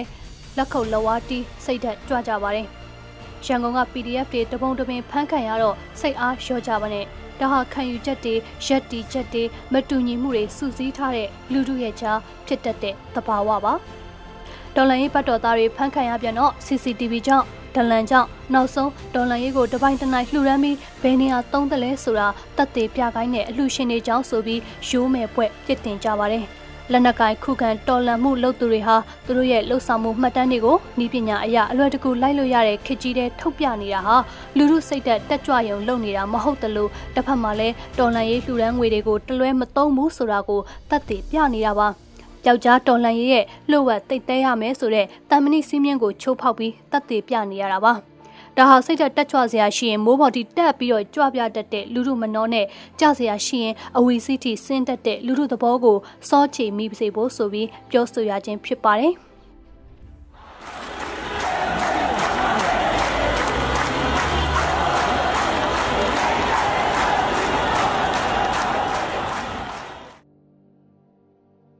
တော်လိုင်းမှာလူတို့နောက်ကိုလိုက်ရင်ဘာဖြစ်တတ်ပါသလဲတာတကားတွေရှိပါတယ်။ ຫນွေဦးတော်လန်ရေးကြီးစတင်တာဟာလူထုကြောင့်ပါလူထုဟာငြိမ်းချမ်းစွာဆန္ဒပြတယ်ဒီလိုဆန္ဒပြတာကိုအကြမ်းဖက်ဖြိုခွဲလို့လက်နက်ကင်အဆင့်တက်တယ်လူဝက်ချက်အရလက်နက်ကင်တက်ဖွဲ့စင်ပြိုင်အစိုးရဖွဲ့ဖို့အထိပြောဆိုမှုတွေနောက်မှာနိုင်ငံရေးသမားတွေဟာနောက်ကနေကောက်ကောက်ပါအောင်လိုက်နေရတာပါ ဒီကနေ့နိုင်ငံကိုအာဏာသိမ်းထားတဲ့စစ်တပ်အပီးတိုင်ပြတ်သုံးရေးဆိုတာလူထုတောင်းဆိုချက်ဖြစ်ပြီးဒီဒေးကို NUG ကခေါ်ခဲ့ရတာကိုကြည့်ရင်လူထုနောက်လိုက်သလားမလိုက်သလားဆိုတာထပ်ပြီးတော့မေးခွန်းထုတ်စရာမရှိတော့ပါဘူးဒီတော့ဘာဖြစ်လဲဆိုပြီးတော့မေးစရာရှိပါတယ်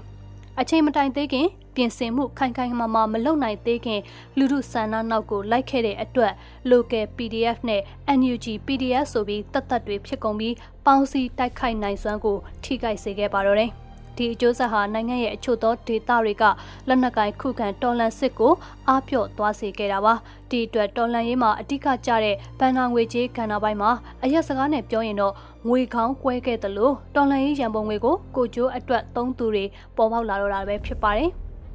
ဒီကနေ့မျိုးပေါ်ပျောက်ကြားတပ်ဖွဲ့တွေဖမ်းဆီးခံနေရတာဟာတော်လိုင်းရံမုံငွေကိုလက်တွေ့သုံးနေပါတယ်ဆိုတာကိုဓာတ်ပုံတွေဗီဒီယိုတွေနဲ့အန်ရီကြားကတက်တည်ပြရတဲ့အဖြစ်မျိုးထိဖြစ်စေပါတော့တယ်။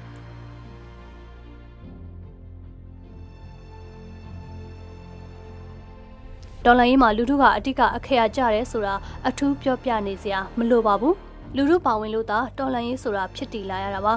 လူထုရဲ့လူလားချက်ကိုအကောင့်ထဲပေါ်ဖို့သာဒေါ်လာရေးရှိလာတာဖြစ်ပါတယ်ဒေါ်လာရေးဆိုတာကအစုအဖွဲ့တစ်ခုတည်းကဖော်ဆောင်လို့မရပါဘူးဒါကြောင့်ဒေါ်လာရေးရဲ့ဥဆောင်မှုအခန်းကဏ္ဍမှာပါဝင်နေတဲ့သူတွေဟာလူထုရဲ့လူလားချက်ကိုဖြည့်ဆည်းပေးဖို့တာဝန်ရှိပါတယ်လူထုကစေအုပ်စုအပိသက်ပြတ်သုံးရေးကိုတွားမယ်ဆိုရင်တွားရပါမယ်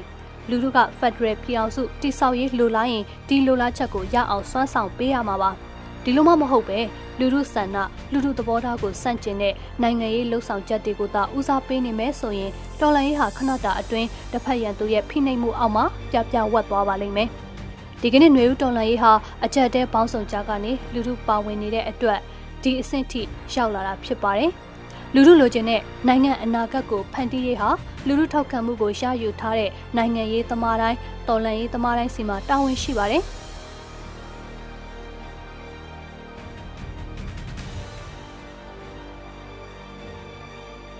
တော်လိုင်းမှာဖြစ်တတ်တဲ့အလေးအထားရှိပါတယ်။ဒါကတော့နိုင်ငံရေးဥဆောင်မှုအခန်းကဏ္ဍမှာပါဝင်နေတဲ့သူတွေဟာလူထုကိုမျှော်လင့်ချက်အမှားတွေပေးပြီးလူထုနောက်မီးဆွဲလုပ်တဲ့သဘောသဘာဝတွေရှိသလိုလူထုကိုစန့်ကျင်ပြီးကိုထင်ရကိုလုတ်တယ်ဆိုတဲ့အစွန်းတရားနှစ်ဖက်ကိုရောက်သွားတတ်ပါတယ်။တကယ်တော့ဒီအစွန်းတရားနှစ်ဖက်ကြားမြင်ဟာခပ်ပါပါလေးပဲရှိတာပါ နည်းနည်းလေးတိတ်ဆောက်တာနဲ့အစွန်းနှစ်ဖက်ကတစ်ဖက်ဖက်စီကိုရောက်သွားတတ်ပါတယ်။ဒါဟာတော်လန်ရေးအတွက်အရေးကြီးတဲ့အခရာကျတဲ့အမျှော်အမြင်ကြီးမှုနဲ့ဆက်ဆက်နေပါတယ်။ဖြစ်စဉ်တိုင်းနေရာတိုင်းမှာလူလူနောက်ကြီးလိုက်ဖို့မလိုသလိုလူလူကိုစန့်ကျင်နေလို့ကြီးလည်းမဖြစ်ပါဘူး။ဘယ်အချိန်မှာလူလူရဲ့နောက်ကိုလိုက်မယ်ဘယ်အခါမှာလူလူနဲ့စန့်ကျင်သိရင်စန့်ကျင်ပြီးလောက်ကင်ရမယ်ဆိုတာကလည်းစီယုံချင်းတိမ်သွင်းခြင်းဆိုတဲ့တော်လန်ရေးကိုဓမ္မထိတ်တန်ကြကြချင်းကပ်ဥဆောင်သွားဖို့လိုအပ်ပါတယ်။ ဒါဟာတော်လှန်ရေးမှာကျင့်သုံးရမယ့်မျက်စိမှပရိပရာလမ်းစဉ်ဖြစ်ပါတယ်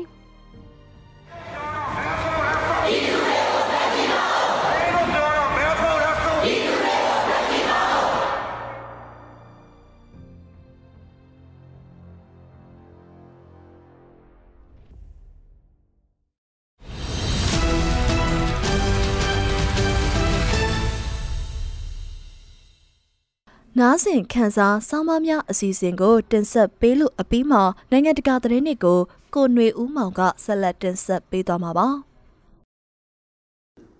American သမ္မတဂျိုးဘိုင်ဒန်ဟာနိုင်ငံပေါင်း130ကျော်နဲ့အတူဒီမိုကရေစီထိပ်သီးဆွေးနွေးပွဲကိုတက်ရောက်ဖို့ထိုင်ဝမ်ကိုဖိတ်ကြားခဲ့တာကြောင့်ဖိတ်ကြားခံစီးရင်မှာမပါတဲ့အာဏာရှင်တရုတ်ကိုဒေါသဖြစ်စေခဲ့ပါတယ်။ ယခုလိုဖိတ်ကြားမှုအတွက်ဘိုင်ဒန်ကိုကျေးဇူးတင်ကြောင်းနဲ့ဒါဟာကိုပိုင်အုပ်ချုပ်ခွင့်ရဒီမိုကရေစီနိုင်ငံအတွက်ကမ္ဘာဇက်ခုံပေါ်မှာမိမိတို့ရဲ့တည်ရှိမှုကိုပုံမအတိမတ်ပြုလာစေမဲ့ရှားပါအခွင့်အရေးတစ်ခုဖြစ်ကြောင်းထိုင်ဝမ်ကပြောကြားလိုက်ပါတယ်။ဒီထေသီအစည်းအဝေးပွဲကနေထိုင်ဝမ်နေနဲ့မိမိတို့ရဲ့ဒီမိုကရေစီရေးအောင်မြင်မှုသမိုင်းကိုမျှဝေနိုင်မှာဖြစ်ပါတယ်လို့တမန်တော်ယုံပြောခွင့်ရစီဗီယာချန်ကသတင်းတောက်တွေကိုပြောကြားခဲ့ပါတယ်။တရုတ်ကတော့ဒီဆွေးနွေးပွဲအတွင်း မိမိတို့ပိုင်နဲ့ရဲ့ခွဲထုတ်လို့မရတဲ့စိတ်ပိုင်းတစ်ခုဖြစ်တဲ့ကျွန်းကျွန်းကိုထည့်သွင်းဖိတ်ကြားခဲ့ခြင်းကိုပြက်ပြက်သားသားကန့်ကွက်ကြောင်းပြောကြားလိုက်ပါတယ်။ တရုတ်ဟာကိုပိုင်အုပ်ချုပ်ခွင့်ရထိုင်ဝမ်ကို၎င်းရဲ့ပိုင်တဲ့အဖြစ်ဒီနေ့မှလိုအပ်ရင်အင်အားသုံးသိမ်းပိုက်သွားမှာဖြစ်ကြောင်းကြုံဝါထားပါတယ်။အဆိုပါကမ္ဘာလုံးဆိုင်ရာညီလာခံဟာဒီမိုကရေစီနိုင်ငံတွေနဲ့တပ်ဦးစံပိုင်အစိုးရများကြားကအားပြိုင်မှုကိုနိုင်ငံခြားရေးမူဝါဒရဲ့ဗဟိုချက်မှာထားရှိကင်တွယ်သွားမယ်ဆိုတဲ့အမေရိကန်သမ္မတဂျိုးဘိုင်ဒန်ရဲ့မဲဆွယ်ပွဲကတိကဝတ်တစ်ခုလည်းဖြစ်ပါတယ်။ ဒီမိုကရေစီအတွက်ထိပ်သီးအစည်းအဝေးကိုယခုနှစ်ဒီဇင်ဘာလ9ရက်နဲ့10ရက်တို့မှာအွန်လိုင်းကနေကျင်းပသွားမှာဖြစ်ပြီးလာမယ့်နှစ်ဒုတိယအကြိမ်အစည်းအဝေးကိုတော့လူကိုယ်တိုင်တွေ့ဆုံဆွေးနွေးပွဲအဖြစ်ကျင်းပသွားဖို့ရည်မှန်းထားပါတယ်။အစည်းအဝေးတတ်မှတ်ရက်ကိုအကျဉ်းအတော်ကြာကလေးကကြေညာထားခဲ့ပေမဲ့ဖိတ်ကြားမဲ့ဧည့်သည်စည်းရင်းကိုတော့နိုင်ငံခြားရေးဌာန website မှာအင်္ဂါနေ့ကမှထုတ်ပြန်ခဲ့ပြီးအနီးကထပ်မံစီစစ်သွားမှာဖြစ်ပါတယ်။ အံ့ဩစရာကောင်းတဲ့အချက်ကရင်းအစည်းအဝေးကိုတက်ရောက်ဖို့ဖိတ်ကြားခံရတဲ့နိုင်ငံစီးမှာအမေရိကန်ရဲ့အဓိကပြိုင်ဘက်ဖြစ်တဲ့တရုတ်နဲ့ရုရှားတို့မပါဝင်ခဲ့ပါဘူး။ဒီမိုကရေစီထိပ်သီးဆွေးနွေးပွဲမှာထိုင်ဝမ်ကိုတက်ရောက်ဖို့အမေရိကန်ရဲ့ဖိတ်ကြားမှုကိုတရုတ်နိုင်ငံကပြက်ပြက်သားသားကန့်ကွက်ပါတယ်။ကမ္ဘာပေါ်မှာတရုတ်နိုင်ငံဆိုတာတစ်ခုပဲရှိပါတယ်။တရုတ်ပြည်သူသမ္မတနိုင်ငံအစိုးရဟာတရုတ်နိုင်ငံတစ်ခုလုံးကိုကိုစားပြုတဲ့တစ်ခုတည်းသောတရားဝင်အစိုးရဖြစ်ပါတယ်။ ထိုင်ဝမ်ဆိုတာကတရုတ်ပိုင်နက်ရဲ့ခွဲထုတ်လို့မရတဲ့အစိပ်ပိုင်းတစ်ခုဖြစ်ပါတယ်လို့နိုင်ငံခြားရေးဌာနပြောခွင့်ရကြားလီကျန်ကဆိုပါတယ်။ထိုင်ဝမ်ခွဲထွက်ရေးသမားတွေကိုစင်တင်မြှောက်ပင့်ပေးနေတာဟာအရှက်ရစရာအခြေအနေတစ်ခုကိုပဲဖြစ်လာစေပါလိမ့်မယ်။ထိုင်ဝမ်ခွဲထွက်ရေးသမားတွေလိုမီးနဲ့တူတဲ့အရာနဲ့ကစားမိရင်အဲ့ဒီလက်ချောင်းတွေပဲမီးလောင်ခံရပါလိမ့်မယ်လို့၎င်းကဆက်ပြောပါတယ်။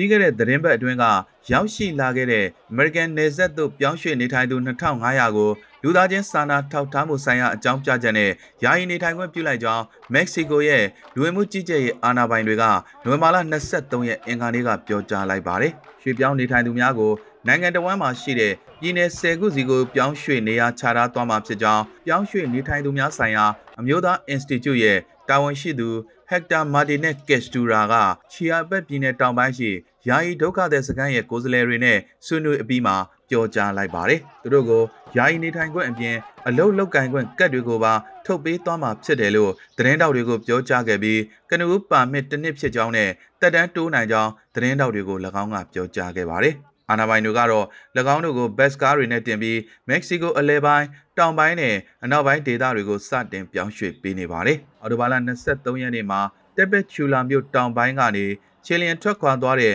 အကြားပြောင်းရွှေ့အခြေချနေထိုင်သူလူပေါင်း1500ခန့်လည်းယာယီနေထိုင်ခွင့်ကမ်းလှမ်းချက်ကိုလက်ခံခဲ့တယ်လို့တာဝန်ရှိသူတွေကပြီးခဲ့တဲ့သတင်းပတ်အတွင်းမှာပြောကြားခဲ့ပါတယ်။ဒါပေမဲ့ယာနဲ့ချီသူတချို့ကတော့ဆက်လက်လှုပ်ဆောင်ဖို့ဆုံးဖြတ်လိုက်ပြီးယခုကမ်းလှမ်းချက်ဟာမိမိတို့ကိုဖမ်းဆီးပြီးပြည်내နံပေးဖို့ကြံစီမှုဖြစ်တယ်လို့ဆိုပါတယ်။တက်ပက်ချူလာမှာတောင်းတင်နေတဲ့ထောင်နဲ့ချီတဲ့ရွှေပြောင်းနေထိုင်သူတွေဟာအင်္ဂါနေ့က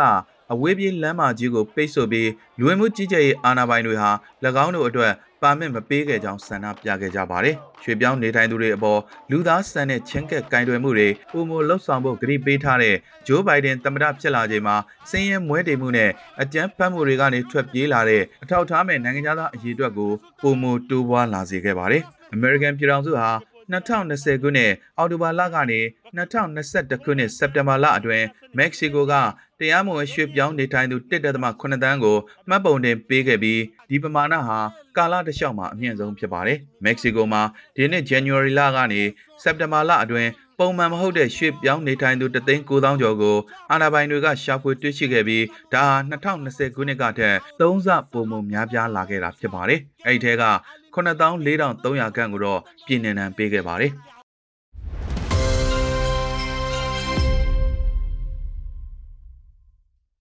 လေဘနွန်ရဲ့ Hezbollah အဖွဲ့ကိုတစ္ဆာခံတဲ့တိုက်ခိုက်ရေးသမားများအခြေစိုက်ရာဆီးရီးယားနိုင်ငံဒစိမ့်တစ်ပိုင်းကိုပြစ်မှတ်ထားတဲ့နိုဝင်ဘာလ24ရက်ဗိုလ်ရူးနေ့အစ္စရေးရဲ့တိုက်ခိုက်မှုကြောင့်ရဲသား2ဦးအပါအဝင်4ဦးသေဆုံးခဲ့ကြောင်းစောင့်ကြည့်လေ့လာသူတို့ကပြောကြားခဲ့ပါတယ်။ပြည်ထောင်အခြေဆိုင်ဆီးရီးယားလူအခွင့်အရေးစောင့်ကြည့်လေ့လာရေးအဖွဲ့ရဲ့အားထားရတဲ့မြေပြင်သတင်းရင်းမြစ်များအရာဟွန်ပြည်နယ်အနောက်ဘက်ရှိရွာ၃ရွာအနီးကိုအစ္စရေးကဒုံးကျည်တွေနဲ့ပစ်ခတ်ခဲ့ကြောင်းသိရှိရပါတယ်။ ဆိုပါတိုက်ခိုက်မှုအတွင်းရဲသား2ဦးအပါအဝင်4ဦးသေဆုံးခဲ့ကြောင်းစစ်ရေးအကဲခတ်အဖွဲ့ကပြောကြားခဲ့ပေမဲ့ကြံသေဆုံးသူ2ဦးကိုတော့အရက်သားလားစစ်သားလားဆိုတာတေချာမသိရဘူးလို့ဆိုပါတယ်။ဗိုလ်ရူးနေ့အာယုန်တက်ချိန်မှာပြုလုပ်ခဲ့တဲ့ဆိုပါတိုက်ခိုက်မှုအတွင်းအရက်သားတို့တေဆုံပြီးခုနှစ်ဦးတန်ရာရရှိခဲ့တယ်လို့စစ်ဖက်အရာရှိတဦးကိုကိုးကားပြီးစီးရီးယားနိုင်ငံပိုင်းသတင်းဌာနစာနာကဖော်ပြခဲ့ပါတယ်။ ဆိုပါတိုက်ခိုက်မှုကိုနိုင်ငံအလဲပိုင်းရှိတီနီယာတွေကိုပြစ်မှတ်ထားတိုက်ခိုက်ခဲ့ခြင်းဖြစ်ပြီးတီနီယာအသေးစိတ်ကိုဖော်ပြထားခြင်းမရှိပါဘူး။ဆီးရီးယားရဲ့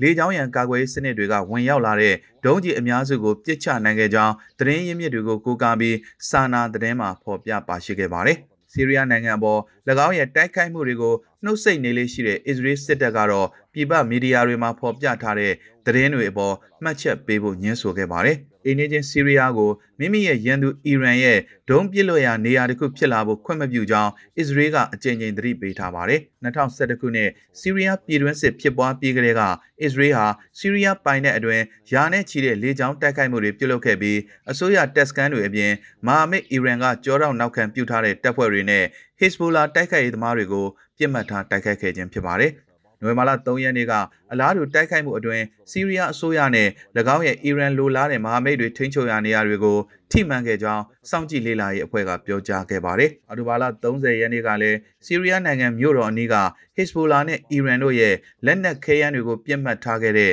အစ္စရေးရဲ့တိုက်ခိုက်မှုအတွင်းအီရန်လိုလားတဲ့ပြည်သူစစ်9ဦးသေဆုံးခဲ့ကြောင်းစောင့်ကြည့်လေ့လာသူတွေကဆိုပါတယ်။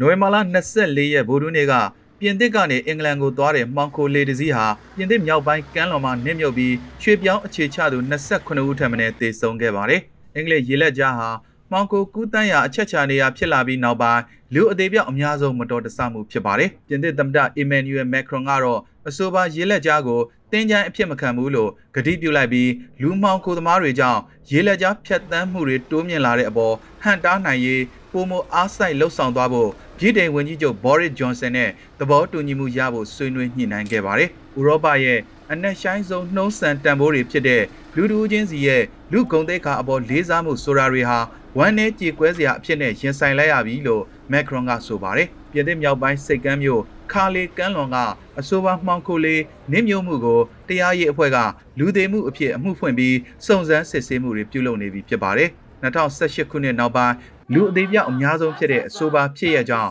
လန်ဒန်နဲ့ပဲရစ်အစိုးရအကြားတင်းမာမှုတွေမြင့်တက်လာခဲ့ပါတယ်။အဆိုပါနင်းမြုံမှုနဲ့တိုက်ရိုက်ဆက်နွယ်နေသူတန်တရားတရခန်လူမောင်ကိုသမား၄ဦးကိုဖမ်းဆီးထားကြောင်းပြည်ထောင်ရေးဝန်ကြီးဂျယ်ရဲဒါမန်နင်ကဆိုပါတယ်။အသက်ရှင်ကြံရည်သူ2ဦးကိုကယ်ဆယ်နိုင်ခဲ့ပြီးအသက်အန္တရာယ်စိုးရိမ်စရာအခြေအနေရှိနေကြောင်းတေဆုံးသူတွေထဲမှာကိုဝန်ဆောင်အမျိုးသမီးအပါအဝင်အမျိုးသမီး9ဦးနဲ့မိန်းကလေးတူပါဝင်ကြောင်းခါလီမြို့မှာ သတင်းတောက်များနဲ့တွေ့ဆုံစဉ်ပြည်ထရေးဝန်ကြီးကပြောကြားခဲ့ပါတယ်။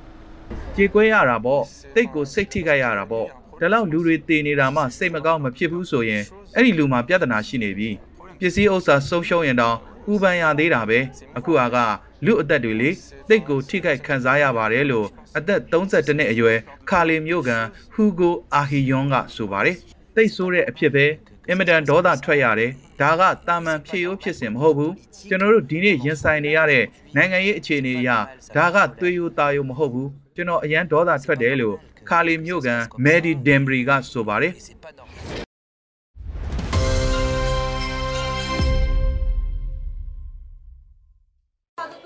တောင်ကိုရီးယားနိုင်ငံဆိုးမြို့တော်မှာ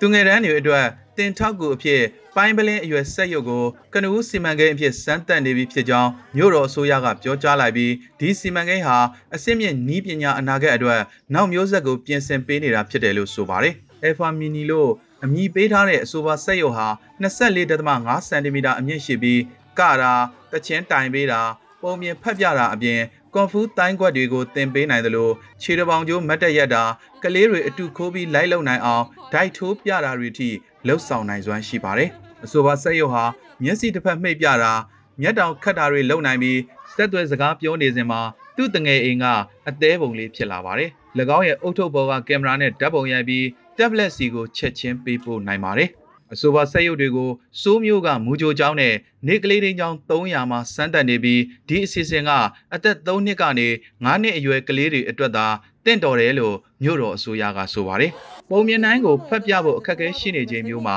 ဒီစက်ရုပ်လေးတွေကတိတ်ကိုအထောက်အကူဖြစ်ပါတယ်။သူတို့ကနားထောင်ခြင်းစပွဲဖြစ်အောင်အတန်းဒီအတန်းသားအမျိုးမျိုးပြောင်းပြီးပုံမြင်တွေကိုဖတ်ပြနိုင်တယ်လို့အသက်28နှစ်အရွယ်ဆီယာမဘွန်ဆူယွန်းကဆိုပါတယ်။ဒီစက်ရုပ်တွေကကလေးတွေရဲ့ဖန်တီးမှုတွေကိုကူညီပေးတယ်။ကလေးတွေကသူတို့ကိုခိုင်းစေပြီးကစားကုံစားလှုပ်ရှားမှုတွေမှာပါဝင်စေတာမျိုးပေါ့လို့ဆီယာမဘွန်ဆူယွန်းကဆက်ပြောပါတယ်။ တချင်းဆိုခိုင်းရင်လဲသူကတချင်းဆိုပြတယ်ကခိုင်းရင်လဲကျမတို့နဲ့အတူလိုက်ကတာပဲကျမလှုပ်ပေးထားတဲ့ခုံပေါ်မှာသူ့ကိုထိုင်ခိုင်းလို့လဲရတယ်လို့အသက်9နှစ်အရွယ်လီဂါယွန်းကဆိုပါတယ်စိတ်ရုပ်တွေနဲ့ဆော့ရတာကျမပြောပါတယ်လို့သူကဆက်ပြောပါတယ်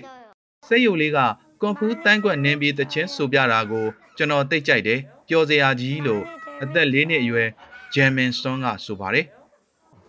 그60개 어린이집을 1개월씩 했습니다. 그러니까 လစဉ်လာတိုင်းမူဂျိုကျောင်း60ကိုဒီစက်ရုပ်တွေငှားပေးပါတယ်။အော်တိုဘာလကနေအခုထိတလတာငှားပေးခဲ့တဲ့ကျောင်းပေါင်း240ရှိသွားပါပြီလို့စိုးမျိုးတော်ကလေးစောင့်ရှောက်ရေးအဖွဲ့ခေါင်းဆောင်ဟန်တောင်စွန်းကဆိုပါတယ်။ဒီစက်ရုပ်တွေကိုဆရာဆရာမတွေနေရာမှာအစားထိုးနိုင်မယ်လို့ကျွန်တော်မထင်ပါဘူး။ထောက်ကူပေးရုံလောက်ပဲသူတို့တက်နိုင်မှာပါ။ဒီနှစ်စမ်းသပ်မှုပြီးရင်နောက်နှစ်မှာလဲ program တစ်ခုဆက်လုပ်မယ်။ စက်ရုပ်ရဲ့အခန်းကဏ္ဍကိုဖွံ့ဖြိုးအောင်လုပ်နိုင်မှာပါလို့သူကဆက်ပြောပါတယ်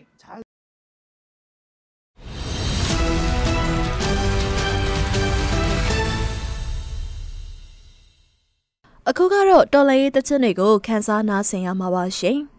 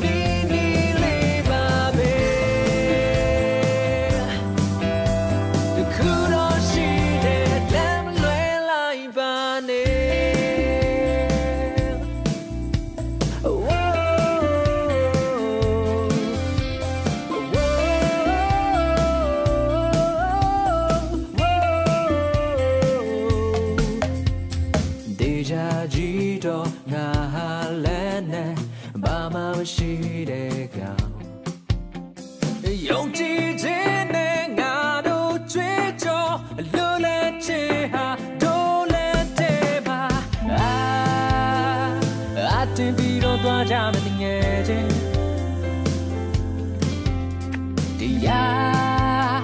တရားမြတ်တာမှုရှိတဲ့နေရာထိ hey hey hey hey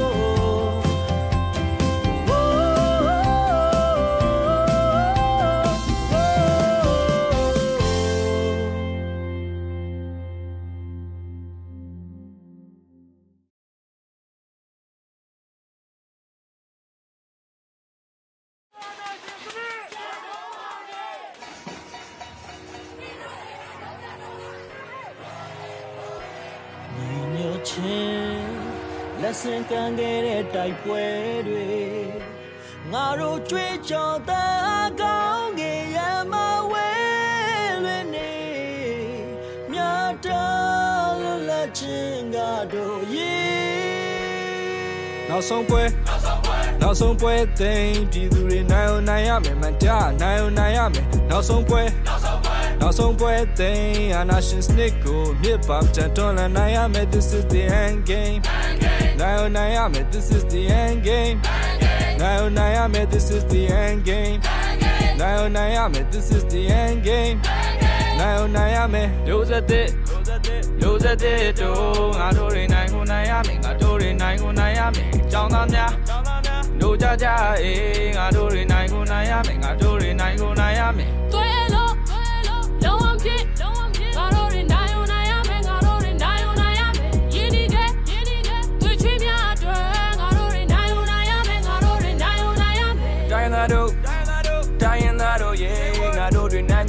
မယ်ငါတို့တွေနိုင်ကိုနိုင်ရမယ်တန်တူခွင်ရေးရနိုင်ဖို့အတွက်ကိုငါတို့တွေနိုင်ကိုနိုင်ရမယ်ငါတို့တွေနိုင်ကိုနိုင်ရမယ် Rolling chat Rolling chat နာဂတဲ့အတွက်ငါတို့တွေ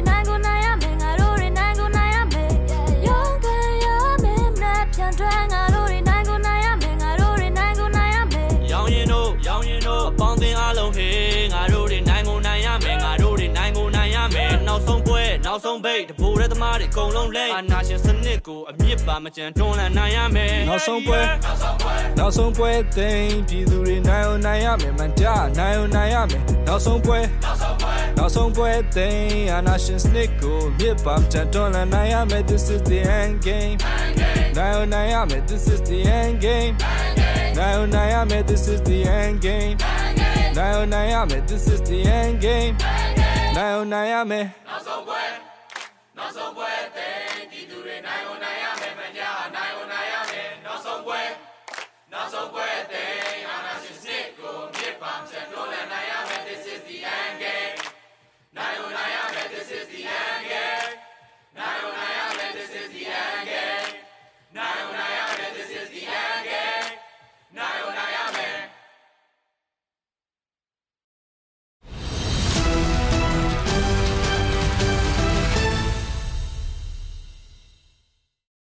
108 FM ရဲ့ဒီကနေ့ညသတင်းတွေကတော့ဒီလောက်ပါပဲမြန်မာနိုင်ငံသူနိုင်ငံသားအပေါင်းစစ်အာဏာရှင်ဘေးကနေကင်းဝေးပြီးကိုယ်စိတ်နှစ်ပါးကျန်းမာချမ်းသာပါစေလို့မြစီမရေဒီယိုအဖွဲ့သားများကဆုတောင်းမေတ္တာပို့သလိုက်ရပါတယ်မြန်မာပြည်သူများနဲ့အတူရက်တည်နေမဲ့မြစီမရေဒီယိုပဲဖြစ်ပါတယ်နားဆင်ကြကြသူတွေအားလုံးကျန်းမာပါစေရှင်မင်္ဂလာရှိတဲ့ညချမ်းကိုပိုက်ဆိုင်နိုင်ကြပါစေရှင်